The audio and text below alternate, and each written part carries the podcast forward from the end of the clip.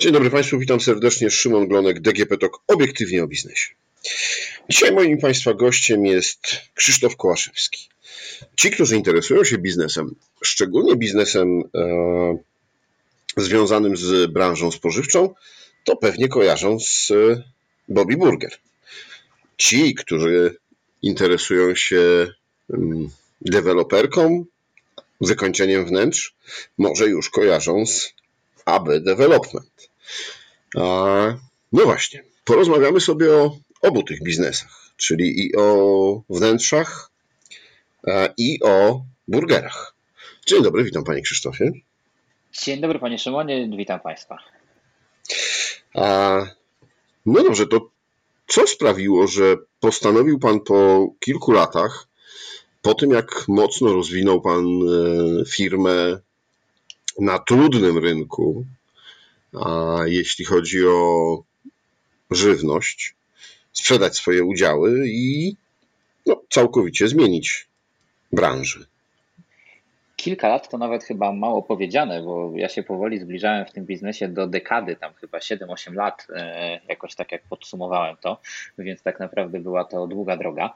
E, rynek zdecydowanie gastronomiczny, już nie wspominając o spożywczym, ale mówię stricte taki gastronomiczny w Polsce faktycznie uważam za trudny i na pewno on jak ja, jak zaczynaliśmy tutaj z Bogumiłem e, Food Trucka i całe przedsięwzięcie Bobby Burgera, na pewno było łatwiej. Więc e, same gdzieś początki były takie naturalne, bardzo dosyć przyjemnie i fajnie nam się to rozwijało. Potem oczywiście firma podrosła i zrobiło się e, więcej wyzwań. E, a co spowodowało, że tutaj podjąłem taką decyzję?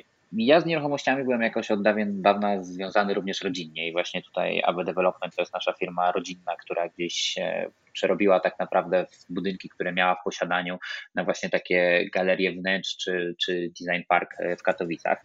E, czyli mamy najemców, którzy oferują wysokiej jakości podłogi, zabudowy kuchenne, materace i wiele różnych rzeczy do wnętrz.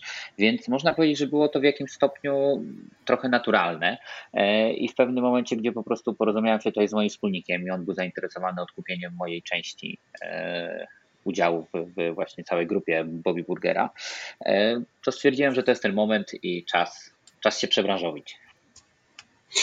No dobrze, ale to powiem tak, no Bobby Burger to taki na, na początek no to biznes studencki, e, bo, bo tak pan zaczynał. Tak. E, też biznes taki, który no, kojarzy się raczej z przyjemnością, radością, e, z jakimś fanem.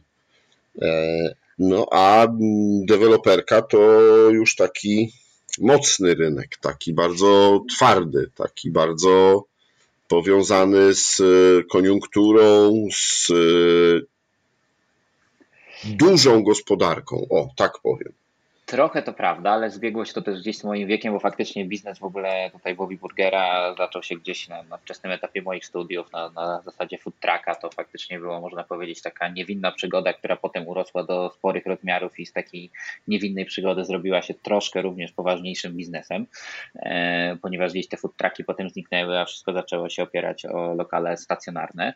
E, a nieruchomości to prawda, niemniej jednak e, jest to poważniejszy biznes, gdzie no, i większe pieniądze wchodzą w grę i można znacznie więcej pewnie stracić i więcej zarobić. Ewentualne błędy na pewno mogą kosztować zdecydowanie więcej. E, ale gdzieś, no ja też dorosłem, trochę e, czasu minęło e, i wydaje mi się, że zawsze mnie ciągnęło w tym kierunku. Nie ukrywam, że zawsze tutaj w Bobby Burgerze, jak miałem kontakty z działami tutaj e, leasingów, z działami najmu w galeriach handlowych czy w innych nieruchomościach, to zawsze trochę im zazdrościłem, że to oni wynajmują te lokale, a ja od nich tutaj jestem najemcą. Więc była taka pokusa, żeby stanąć po tej drugiej stronie i stać się tym wynajmującym.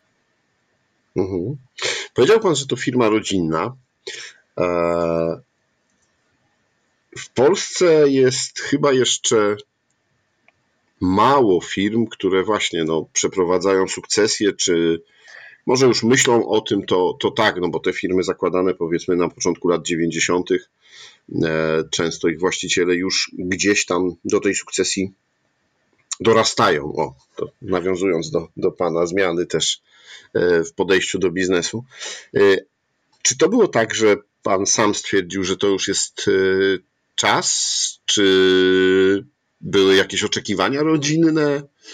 Jakieś takie hmm, powiedzenie, no dobra, już powinieneś zająć się. Nie, nie, nie, nie. Tu, tu jakby bym nie powiedział, żebym odczuwał jakąś jakby presję. Y, muszę przyznać, że w tym naszym przypadku to się strasznie dobrze y, jakby połączyło kilka wydarzeń y, w czasie, zbiegło.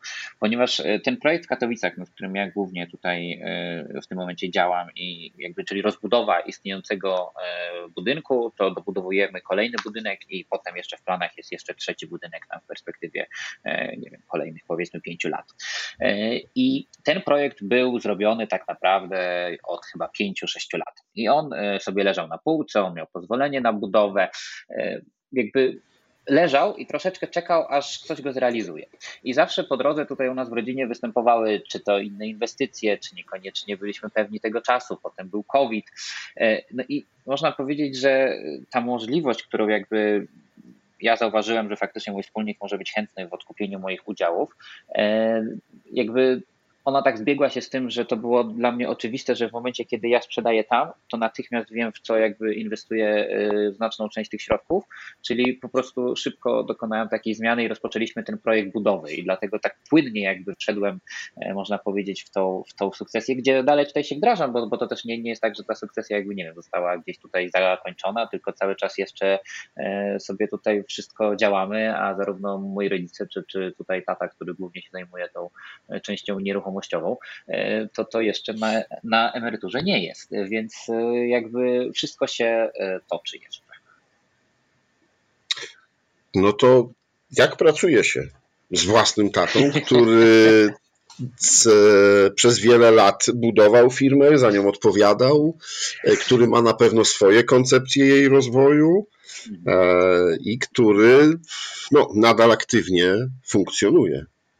Nie mogę narzekać, aczkolwiek tak jakby zbierając tutaj informacje od, kolegów e, często, którzy już kiedyś pracowali z rodzicami, czy, czy czy pracowali, potem przestali, czy potem znowu zaczęli, to faktycznie wiele osób tak mnie mówiło, się mnie pytało, czy na pewno jestem pewny e, tej, tej decyzji i czy to dobrze wyjdzie. E, niemniej jednak moim zdaniem tak zarówno jak i w Bobim i tutaj bardzo istotny do takich rzeczy jest jakiś swojego rodzaju podział, e, nawet nie tyle obowiązków, co podział projektowy. I w momencie, kiedy każdy wie za co faktycznie odpowiada i gdzie ktoś w którym aspekcie ma decydujący głos, to wydaje mi się, że ta współpraca się układa gładko i jakby obopólnie na plus, tak? Czyli możemy prowadzić dyskusję, ale potem w danym e, tutaj, że tak powiem, polu ktoś finalnie podejmuje decyzję i jeśli każdy wie, gdzie ma to pole, to moim zdaniem dostarcza to i odpowiedniej ilości satysfakcji, a zarówno pozwala też się nauczyć na doświadczeniu e, innych. Mhm. No, ja wiem, że pewnie tata będzie słuchał naszej rozmowy. No, poza tym panowie cały czas pracują, więc e, pewnych rzeczy, a też i dla dobra firmy, pewnych rzeczy się nie zdradza. E, ale myślę, że dla wielu osób, które też słuchają i które może są właśnie w takiej sytuacji mm, sukcesji, zmiany, przejmowania biznesów rodzinnych, to mogą być cenne informacje e, po pierwsze. Moim zdaniem, e, jak się mogę tutaj jeżeli mm, tak, tak, tak, tak, proszę, proszę. E, bardzo jakby wierzę, wierzę w ten podział i też taki i formalny podział. Jakby jeśli my na przykład mamy podzielone formalnie, że, że za e, Katowice odpowiadam ja i mój brat, tak, który jakby w tym momencie jeszcze pracuje w Stanach, ale kto wie, może któregoś dnia do nas dołączy, to jeśli to jest naprawdę tak do bólu prawdziwie podzielone, to uważam daje to bardzo dużo plusów dla że tak powiem, wszystkich zainteresowanych. Mhm. No tak, ale yy, na przykład jak spotykacie się panowie e, po pracy, nie wiem, na rodzinnej kolacji, tak. jakimś święcie rodzinnym czy coś, to po pierwsze nie przenosi się tych e, rozmów o biznesie, to, nie, to nie, nie ma dopytywania. I, to się zawsze przenosiło i można powiedzieć, że nie wiem, można powiedzieć, że jest to i minus i plus bo z jednej strony faktycznie ja zawsze e, byłem dosyć blisko tego biznesu, nawet jak e, codziennie tu nie przechodziłem, to właśnie dzięki takim spotkaniom rodzinnym, gdzie jednak e, jesteśmy dosyć przedsiębiorczą rodziną i tam dosyć dużo czasu się poświęca w tym prywatnym czasie również na takie dewagacje, dyskusje, wymyślanie jakichś pomysłów, próba przewidywania, nie wiem, przyszłości rynku. Więc to zdecydowanie się, się przynosi i tak jak mówię, czasami jest to na plus, a czasami faktycznie zdarza się tak, tak, że nie wiem, jestem razem tu z moją żoną na jakimś niedzielnym obiedzie u moich rodziców. Ja mam jakiś humor, że tak powiem, bardziej niedzielny i niekoniecznie chciałbym tutaj poruszać kwestie e, biznesowe, a akurat na przykład e, tata w tym momencie ma mm, konieczną e, chęć omówienia czegoś istotnego przed poniedziałkiem, tak? Więc zdarzają się na pewno takie sytuacje. Mhm.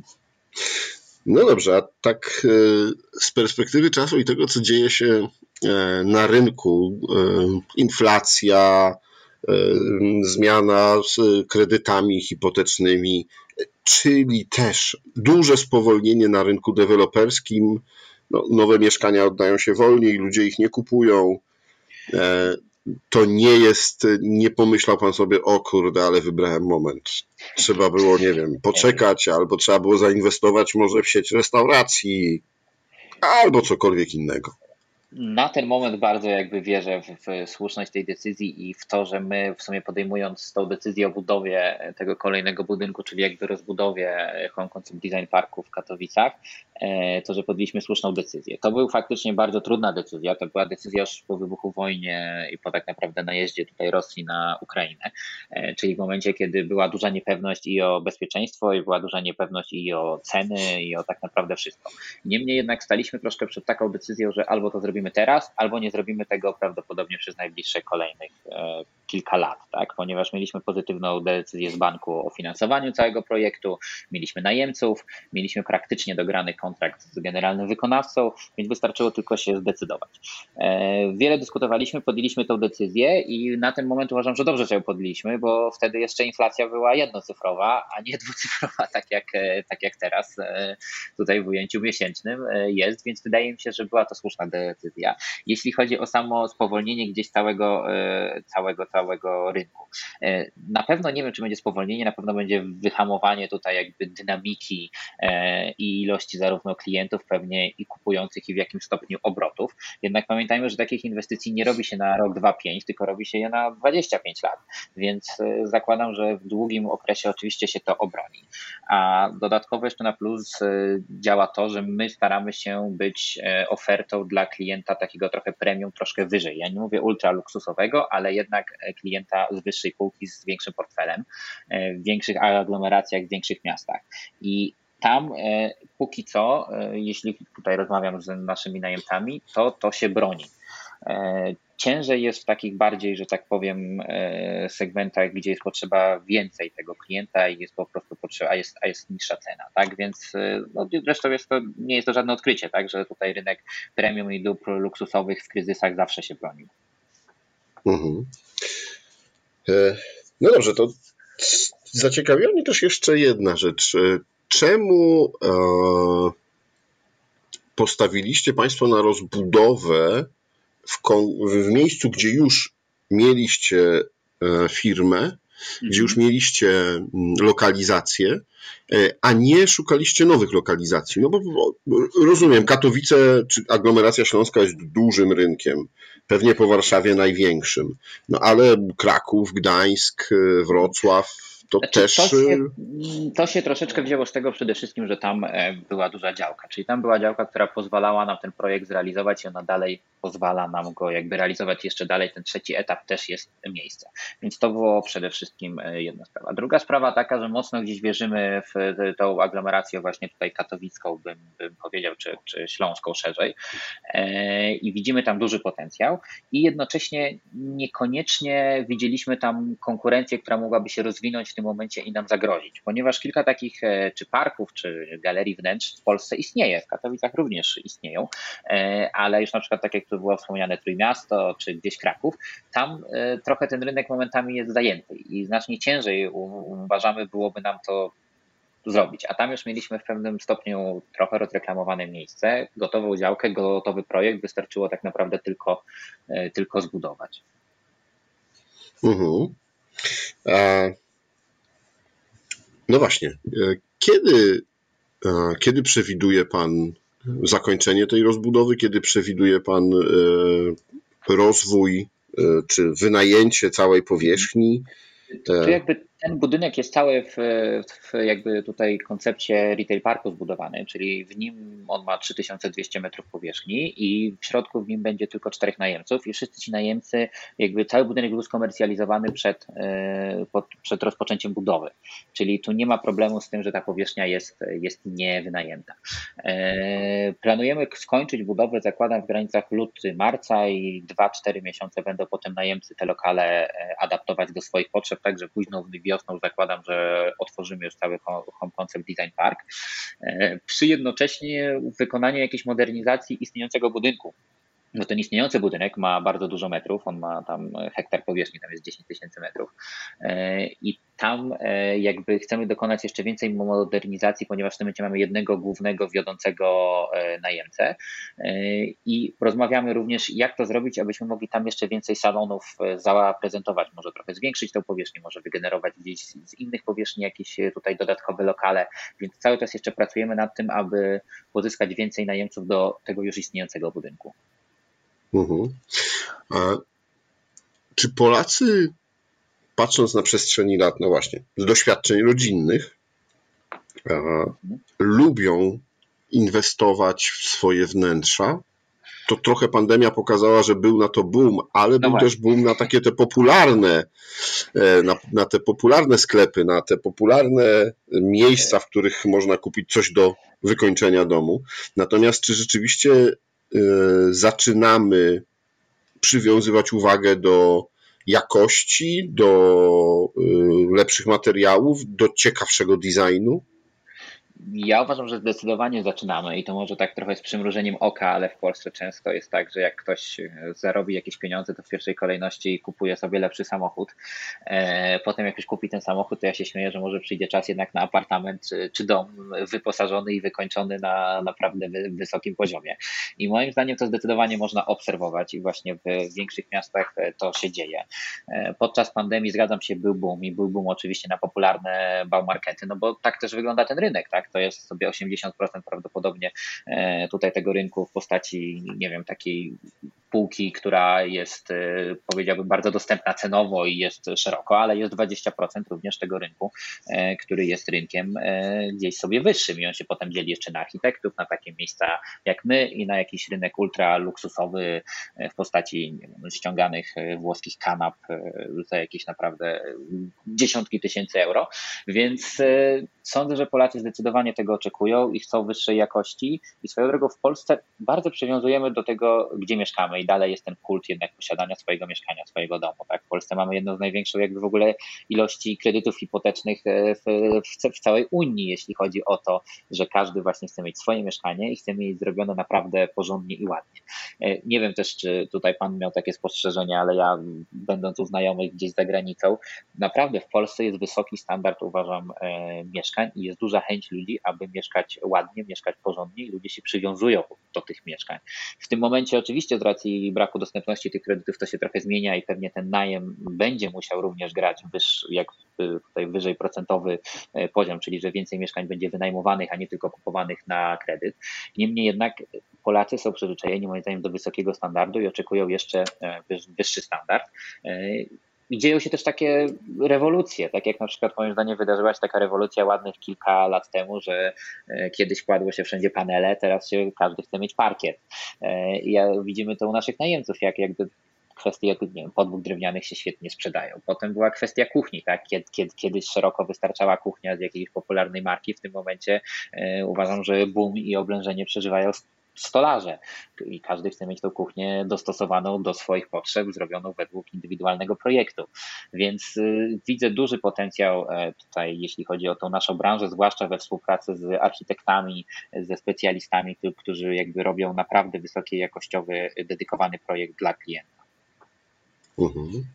No, czyli e, przed takimi e, inwestycjami na design park albo home concept jeszcze duża przyszłość, jeśli chodzi o polski rynek, no bo cały czas się jednak buduje. Pewnie kryzys się skończy, więc jakiś boom na mieszkania wróci i, i wtedy pewnie będziemy coraz chętniej budowali.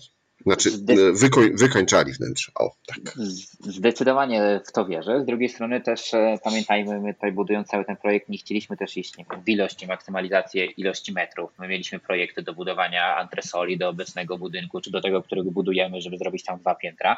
E, no ale też jesteśmy racjonalni. Widzimy jakby też, że jednak rynek w jakimś stopniu jest w internecie. Jeśli chodzi na przykład o drobne meble, mniejsze meble, coraz więcej się kupuje tego w internecie, również dobrej jakości. Więc jakby nie chcemy mieć jakby największego parku, tylko najlepszy, tak? Nie ilość, a jakby jakość i mocno wierzymy, że kwestia tutaj showroomów i jednak tego, że jak ktoś wykańcza mieszkanie i wydaje tam spore pieniądze, to chce dotknąć podłogi, chce zobaczyć jakąś stolarkę, czy chce zobaczyć płytki, spieki, które położy w łazience czy kuchni. Mhm. Dziękuję panu bardzo za rozmowę. Moim i Państwa gościem w DGP Talk Obiektywnie o Biznesie był Krzysztof Kołaszewski z AD Development, a rozmawiał Szymon Glonek. Do usłyszenia. Dziękuję Panie Szymonie, dziękuję Państwu.